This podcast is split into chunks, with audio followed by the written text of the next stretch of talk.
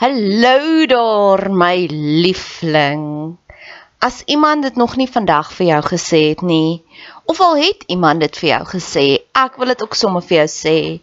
Ek is lief vir jou. God is lief vir jou. Die feit dat jy hierdie pot gooi luister, beteken dit God het groot planne vir jou en hy wil hê jy moet verder dink en groter dink. Hy is lief vir jou. Jou Skepper, die een wat jou gemaak het, die een wat jou die mees intiemste ken, hoor jou skree die Harry daar saam om saam te stem. Hulle sê ja. Hy is lief vir jou. As jy so 'n bietjie love deprived is, bid ek vir jou dat God oomblik tot oomblik vir jou wys hoe lief is hy vir jou.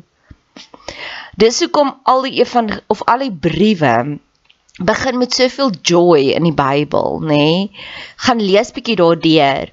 Um Johannes skryf, ek hoop dat jou siel 'n skat ryk. Judas skryf, is nou Judas wat hy skryf, liefde is op pad. En ek dink is ook Judas wat praat van mag alles binne in jou jubel van blydskap want God is so amazing. En weet jy hoekom skryf hulle dit? Want hulle het dit ervaar en dit is soos daai liedjie I can't keep keep it in I have to get it out. En dis my seëning vir jou. Al hierdie verhoogde emosies wat ek ervaar, mag jy dit ook ervaar want ek weet hoe voel dit om daaronder te wees en dood te wees binnekant maar ek weet ook hoe voel dit om te vlieg soos 'n arend. Mag jy dit vandag ervaar. Dankie dat jy tyd spandeer op my kanaal. Dankie dat jy jou kosbare tyd investeer. Maak kontak. Ek love dit om van julle te hoor. Niks gee vir my soveel joy soos om te sê 'n boodskap neem. Ek is op al die platforms, Instagram, Facebook. Stuur vir my 'n Facebook boodskap, Bet Seber en ek stuur sommer vir jou my selfoonnommer. Laastens, as jy wil betrokke raak, asseblief doen. Ek het altyd hulp nodig. Hulp nodig aan bemarking, hulp nodig as jy van jou tyd wil investeer in koninkrykswerk. Jy hoef nie net pannekoeke te bak by die kerk bazaar om koninkrykswerk te doen. Jy hoef nie net soos jy Jehovah getuies gaan klop aan deur om te sê wil jy deel word nie. Daar's soveel meer maniere. Geniet die podcast. Dis 3 minute. As jy as jy dit een keer geluister het en jy wil dit elke keer forward, ek gaan jou eer 3 minute. Hierdie een is 'n ou lieflingsbriefie, 'n gebed. 'n Tweevoudige gebed. Die een is vir my vriendin.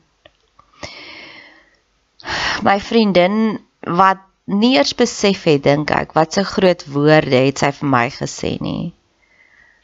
Ek was uitgenooi so 'n paar maande terug om deel te neem aan 'n artikel oor feminisme. Ja, en daar was groot name wat ook bygedra het op hierdie artikel. Shout out to Net Lombard. Sy skryf onder andere vir die waarheid en sy het 'n artikel geskryf oor feminisme. En ek het amper die pot misgesit want sy het die uitnodiging gestuur om te sê raak betrokke, gee my jou opinie. En haar deadline was soos 1:00 in die middag en 5:00 in die middag toe sê ek vir "So, ek het iets geskryf, is dit te laat?" En sy het dit ingesluit wanneer mense uitsonderlike aksies vir jou doen. My lieflingsvriendin stuur vir my 'n boodskap terug. "Sjoe, Nadia, ek kon net jou jou gedeelte verstaan. Almal anders gebruik hierdie hogere taal en ek verstaan niks van dit nie. En van daar af draai en maal en kolk haar wyse woorde in my gedagtes. En ek besef ek het hierdie hierdie talent. Want ek geniet dit so om navorsing te doen. Maar my eerste uitkykpunt is ek wil 'n goeie kommunikeerder wees. So wanneer mense my aanval omdat ek my tale meng, sê ek vir hulle, weet julle wat? Vir my is die boodskap belangriker as om 'n taal suiwer te hou. Want as jy daai taal so suiwer hou, is die taal 'n afgod. Vir my om vir jou die boodskap te verstaan, ek moet 'n algemene Engelse woordjie gebruik. Gaan ek eerder 'n Engelse woordjie gebruik want ek weet dis belangriker as om 'n taal suiwer te hou.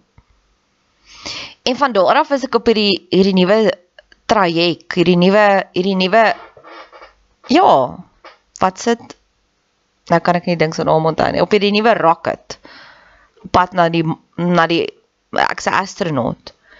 Want ek sal hierdie komplekse artikels lees en dan sal ek met mense gesels daaroor want ek weet ek is 'n goeie internaliseerder, ek prosesseer goed en dan verduidelik ek vir jou komplekse situasie. Dis my eerste uitgangspunt. So dankie vir my vriendin wat dit raak gesien het. Tweedens bestudeer ek mense en ek sien mense wat regtig invloedryk is. Wat hulle doen is iemand sal vir hulle sê kom praat, kom adresseer hierdie vrouens, groep vrouens en vertel vir hulle wat is die wil van God. Of die ander een is persone wat uitgenooi word op kyk net onderhoude en dan sal hulle sê ons wil praat hieroor. Kom gee jy vir ons die inligting. En dis waarna ek op pad is. Dis wat wie ek wil wees. Maar die Here toets ons gehoorsaamheid. Alhoewel ek daai woord is my baie toksiese woord. Hy gee deeltyd vir ons uitnodigings. So in een week het ek twee twee vriendinne gehad wat gesê het Ons het hierdie in die nuus gelees. Wat dink jy hiervan? Wat's jou opinie? En dis omdat ek regtig waar ek so lief vir my vriendin, ek waardeer dit sy van my wysheid hou. Want dit is my grootste geskenk. Bo bo liefde. En ek waardeer dit dat sy vir my haar opinie vra. Ek waardeer dit dat sy lief genoeg is vir my want dit is maklik lag lag 3 maande later wanneer ek hierdie podcast gaan maak om dit vir haar op te dra. So hierdie is my opinie op 'n situasie wat ek dink ons almal van weet. En ek dink my vriendin weet nie maar ek doen al vir maande navorsing. Ek het net nie nog nie Dit was nog net nie 'n prioriteit genoeg om dit te maak soos ek dit nou gaan maak nie. So geniet dit en ek wil jou uitnooi. Stuur vir my jou vrae niks maak my meer lewendig voel nie. So ons gaan gesels oor die baie hartseer tragiese verhaal van Megan Raad, haar pa Abri, haar mamma Swanet en Wilna Stander, die maatskaplike werker. So vanuit Megan se oogpunt uit, ek wil eers met jou gesels oor Hoe werk die anatomie en die biologie van wanneer ons seksuele organe geaktiveer is? Dink aan die eerste keer toe jy verlief is. Niemand het vir jou gesê, "O, as jy verlief is, gaan jy hoendervleis kry die oomblik as hy in jou hand vat nie." Niemand gaan vir jou sê jy gaan skoenlappers op jou maag kry en jy gaan onbeheersbaar begin giggel nie. Dis 'n natuurlike chemiese reaksie wat geaktiveer word. Niemand leer ons daai goed nie, dit gebeur outomaties. En ons probeer kinders te beskerm vir so lank as moontlik voordat daai seksuele organe begin geaktiveer kan word. So 'n prentjie is gevind en die prentjie het Mamma Swanet gedryf om die kind te beskerm. Well done, Mamma Swanet. Want al wat jy gedoen het, jy het 'n prentjie gesien en jy het gedink hieso is velplay betrokke. So, my eerste gebed vir Megan is: Mag jy besef almal wou jou net die heeltyd beskerm het. Ons weet nie waar is daai seksuele organe geaktiveer nie. Ja, dit kon deur malicious play geaktiveer word. Iemand wat op per ongeluk gemolesteer het.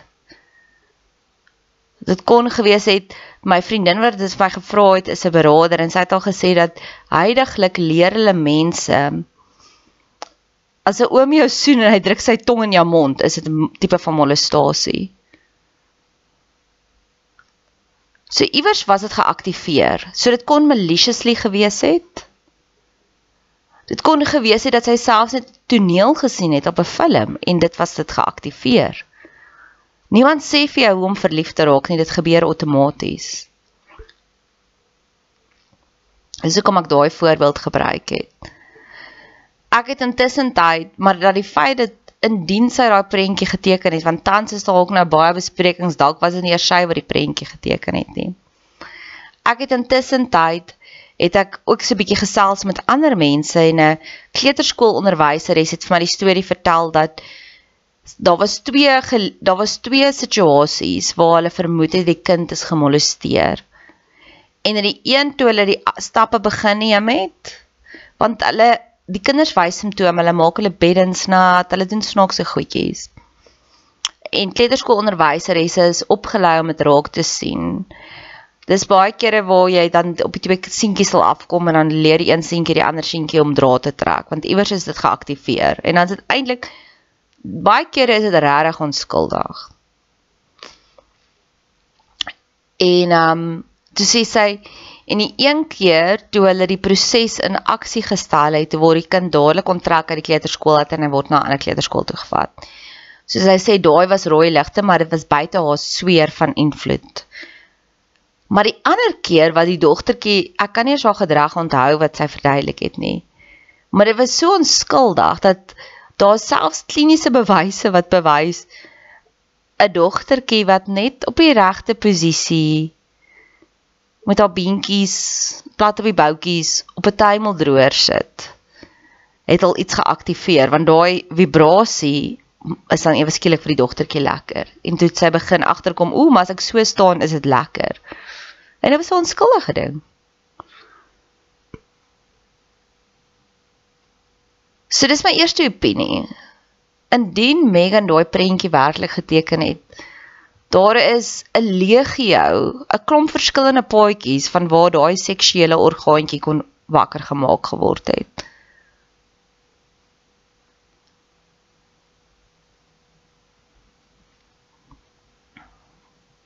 Kom ons gaan na die worst case scenario toe. Kom ons spring in daai aaklige boot. Mense wat kinders molesteer, is gewoonlik mense wat ook gemolesteer is as 'n kind. En hulle het nooit geleer om dit te prosesseer nie. Want ons lewe in 'n gemeenskap waar emosionele skade word onder die tafel ingedruk.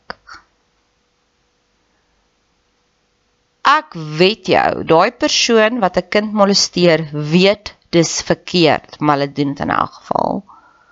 En ek het ek het baie meer simpatie en empatie met die molesteerders ook. Want hulle het hierdie energie waarvan hulle wil ontslaa raak en hulle dit is verkeerd ook. So hulle sit in twee hulle hulle oorspronklike traumas nooit genees nie en dan sit hulle nog met skuldgevoelens. So kom ons spring na pappa Albri toe en kom ons gaan na die worst case scenario toe. En dalk het hy iewers bietjie gevat waar hy nie moes gevat het nie. Maar mag die Here kom en daai trauma ook genees. So ons dis is om 'n pleister op te sit op 'n wond. Hy gaan hom gesond maak, maar as ons 'n pleister op gesonde vel sit, gaan hy nie skade maak aan die plei aan die vel nie. So dalk is ek ons almal ons niemand weet wat het reg gebeur nie. En ek wil jouself dan as jy nou gewalg is deur my empatie vir 'n molesteerder watter dom besluit het jy nie al gemaak nie en jy het weggekom met dit nie. Ons almal maak daagliks dom besluite en ons kom weg daarmee en dis net die Here se genade. Ek het 'n jaar terug met iemand gewerk wat die seun het onder die invloed van drank gery en hy het 'n verskriklike ongeluk gemaak en die ouers het ingespring en hulle het gejok vir die versekeringsmaatskappy om te sê die pa het die kar bestuur, die seun was nêrens nie. En hulle is uitgevang en hulle het duur skoolgeld betaal daarvoor. Maar in daai oomblik as ek myself in daai ouers se posisie sit, hulle kind is nou net amper dood. Jy dink nie rasioneel nie. Jy dink irrasioneel. Plaas jouself in daai oomblikke waar jy irrasioneel gedink het, waar jy nie met jou volle brein gedink het nie. Dalk was jy onder die invloed van drank, dalk was jy onder die invloed van dwelms, dalk was jy net verlief en jy het nie gesien wat 'n monster staan voor jou nie. Al daai is irrasionele denke.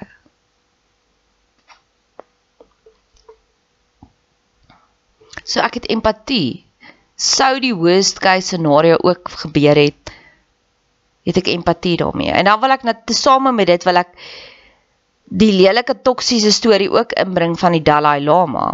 Die Dalai Lama is in Februarie afgeneem.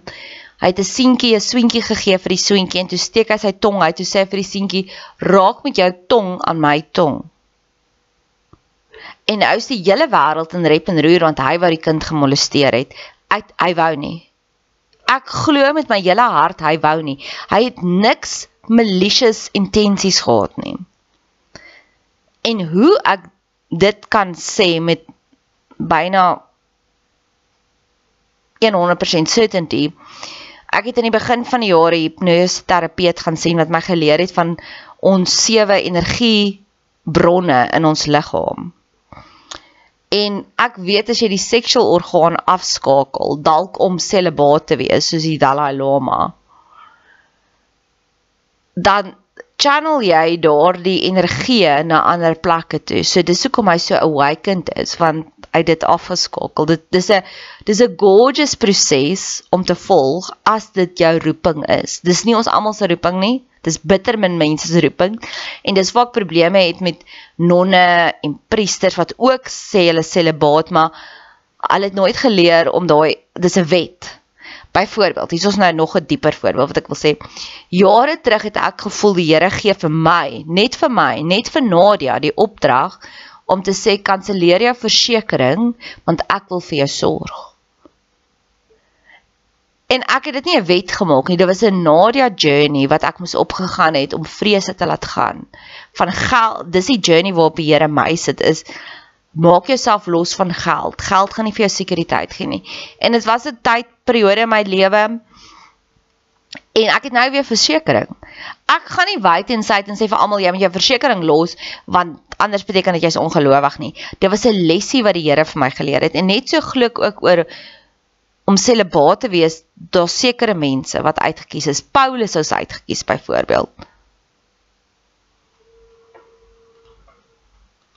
So om terug te kom by die Dalai Lama geval is omdat sy seksuele organe nou al so geatrofie het dat dit al so verkrimpel, hy het nie eers meer dis bo sy verstand amperkies basies.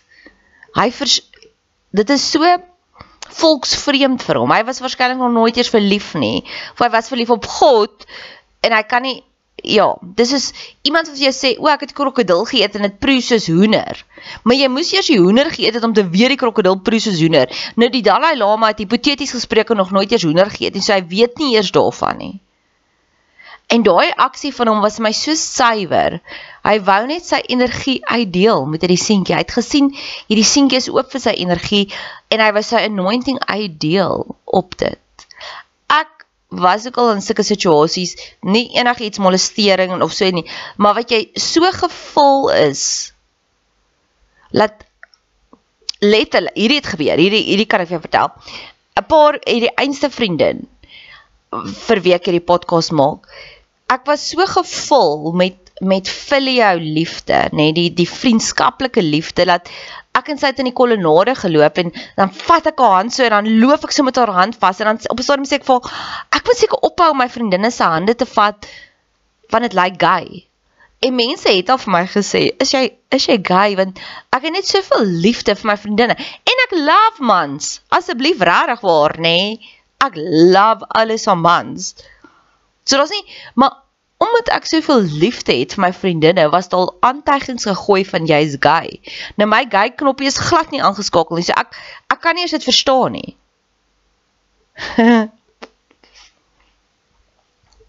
Gaan. Maar terug by die plaaslike een. So ek hoop dit plaas 'n bietjie ander konteks vir jou op hierdie hele molestering seksuele saak. En dis 'n hartseer tragiese geval. Dis dis so hartseer. Ek wil terugkom by Megan. Ek het haar gaan spy so 'n bietjie op Facebook. Die Here is so magical met hierdie hele journey vir my gewees want ek het ken iemand wat wat die familie intiem ken. En hierdie wat ek alles gee is niks van hulle geheime wat ek hier gaan deurgee nie. En so het ek toegang gehad tot haar Facebook bladsy. Sy's 'n magical human being. Sy deur dit alles was sy, ek dink dit is Garsfontein, op Garsfontein se leerlingraad. Sy het soveel diep stories wat sy daar vertel van dis hoe stikkend ek is, maar dis hoe gesond ek ook is. En ek wil dit celebrate. Ek wil dit celebrate die genesing wat ek al reeds sien in daai kind se lewe. En ek wil vra Here, laat haar genesing, want sy is amper vir my die sterkste in hierdie hele verhaal. Laat haar genesing asseblief anoint op ander mense, op haar pa, op haar ma en op die maatskaplike werker because you've touched her. U het haar aangeraak. En ek kan dit sien. En ek kan daai genesing sien wat oorvloei moontlik op almal wat in hierdie saak betrokke is. En daar's groot name nou al in hierdie saak betrokke. Want dis wat God doen. Hy gee vir ons beauty for ashes. In hierdie verskriklike donker wêreld gee hy vir ons hierdie genesing. En ek kan sien Megan het dit. En Megan, ek bid vir jou. Mag daai genesing van krag tot krag groei. Megan, ek bid vir jou en vir jou tannie. Want ek weet die tannie het 'n baie groot pivotale rol gespeel en dis hoe amazing die Here is. Hy stuur vir ons surrogate waar as iemand faal in hulle verantwoordelikheid, stuur hy ander mense. Ek feesvier daai verhouding tussen Tannie en Niggie wat hierdie hele situasie laat begin omdraai het. En wie weet, kwysera, kwysera, dalk gaan pappa Abri uit die tronk uit kom en dalk nie. En Here laat hy dan die lig wees in daardie donker tronkstalle want God laat alles ten goeie meewerk. Mamma Swanet, wat ook al jou invloed was aan dit. Ek bid dat jy you will man up en verantwoordelikheid dra van wat ook al jou invloed was in dit. Want jy het ook genesing nodig. En die laaste stakeholder by wie ek wil gaan stil staan is Wilda Stander, die maatskaplike werker. Ken jy 'n maatskaplike werker? My liefste luisteraar, ek dink hulle is die die VIP engele van God. Hulle hardloop in in die donkerste, lelikste situasies in vrywilliglik. Hulle is die parabats van die oorlog. Hulle gee die mees onbaatsigtelike opofferings vir minimale salarisse. Vir jare lank is ek al op soek na wie is die ware heroes en soms dink ek dis die verpleegsters, ander kere dink ek dis die opvoeders, die juffrouens. Maar ek dink nou dis die maatskaplike werkers. En as jy met enige maatskaplike werker gaan praat, dis 'n calling.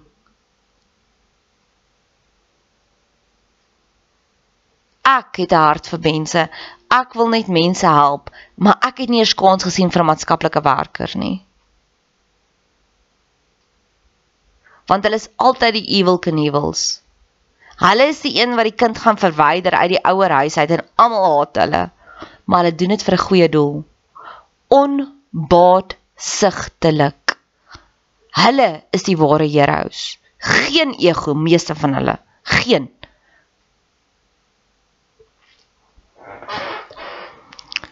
Ek het herhaaldelik die onderhoud gekyk op Kaart Blanche van Wilna Stadler. Stander. En ek kan mense lees en ek kan jou jou jou body wat sit jou gedragspatrone kan ek lees. So ek kan sien as jy jok. Ek kan sien as jy aroused is. Ek kan ek kan sulke goed dadelik sien. En op 'n oomblik bully Derek Watts haar. Want ek het al genoeg kaart blanche unedited video's ook gekyk wat ek sien hoe bou hulle dit op totdat hulle jou kwaad kry en dan wys hulle net die stukkie waar hulle kwaad het. En as jy bietjie body language kan lees, gaan jy dink sy tree so funny op Dit lyk asof sy jok. En ek dink nie so nie. Ek dink sy was so getriggerd. Sy moes al soveel kere haarself verdedig. Oor 'n besluit oor woorde wat sy gesê het jare terug. Laat sy so rou al geskuur dat dit lyk asof sy jok. En ek was ook al daar. Ek is al ek was al so desperaat op 'n stadium wat ek gedink het ek wil my pasiënte in my spreekkamer, ek wil al ons gesprekke voice note opneem. Want ek het nou onlangs het iemand 'n sinnetjie wat ek vir hulle gesê 3 maande terug gevat en hom so verdraai en so verwronge gemaak. En ek het geweet ek's onskuldig. En die enigste plek waar ek dit kon bewys is om te sê ek gaan videokameras oral opsit dat elke gesprek moet gerekord word. Hoeveel kere is daar nie ook al vuil gespeel met my en jou nie? En dan woorde wat ons so mooi gesê het, word omgedraai. En dis wat ek sien in daai onderhoud. En ek ken Kaart Blanche modus operandi. Ek is nie onnoosel nie. Ek het video's al gesien waar hulle mense opref en dan vat hulle net daai slegste stukkies waar die mens uitfreek. Ek het mos nou gesê waar lewe ons in 'n wêreld waar ons lewe van guilty until proven innocent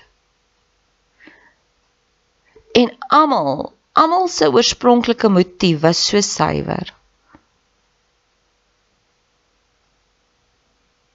En ek sien hoe dit verwronge geraak het en dit laat my dink aan die Andre de Ruyter geval wat tans nou baie hoog C4 van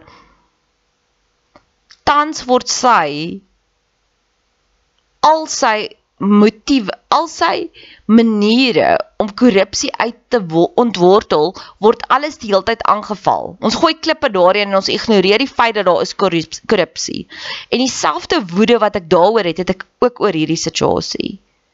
Dit was 'n mamma wat haar dogter beskerm het. Dit was 'n dogtertjie wat dalk of nie dalk nie 'n prentjie geteken het. Dit was 'n maatskaplike werker wat ingegaan het om 'n dogtertjie se lewe beter en veiliger te maak. Kan ons daarop fokus?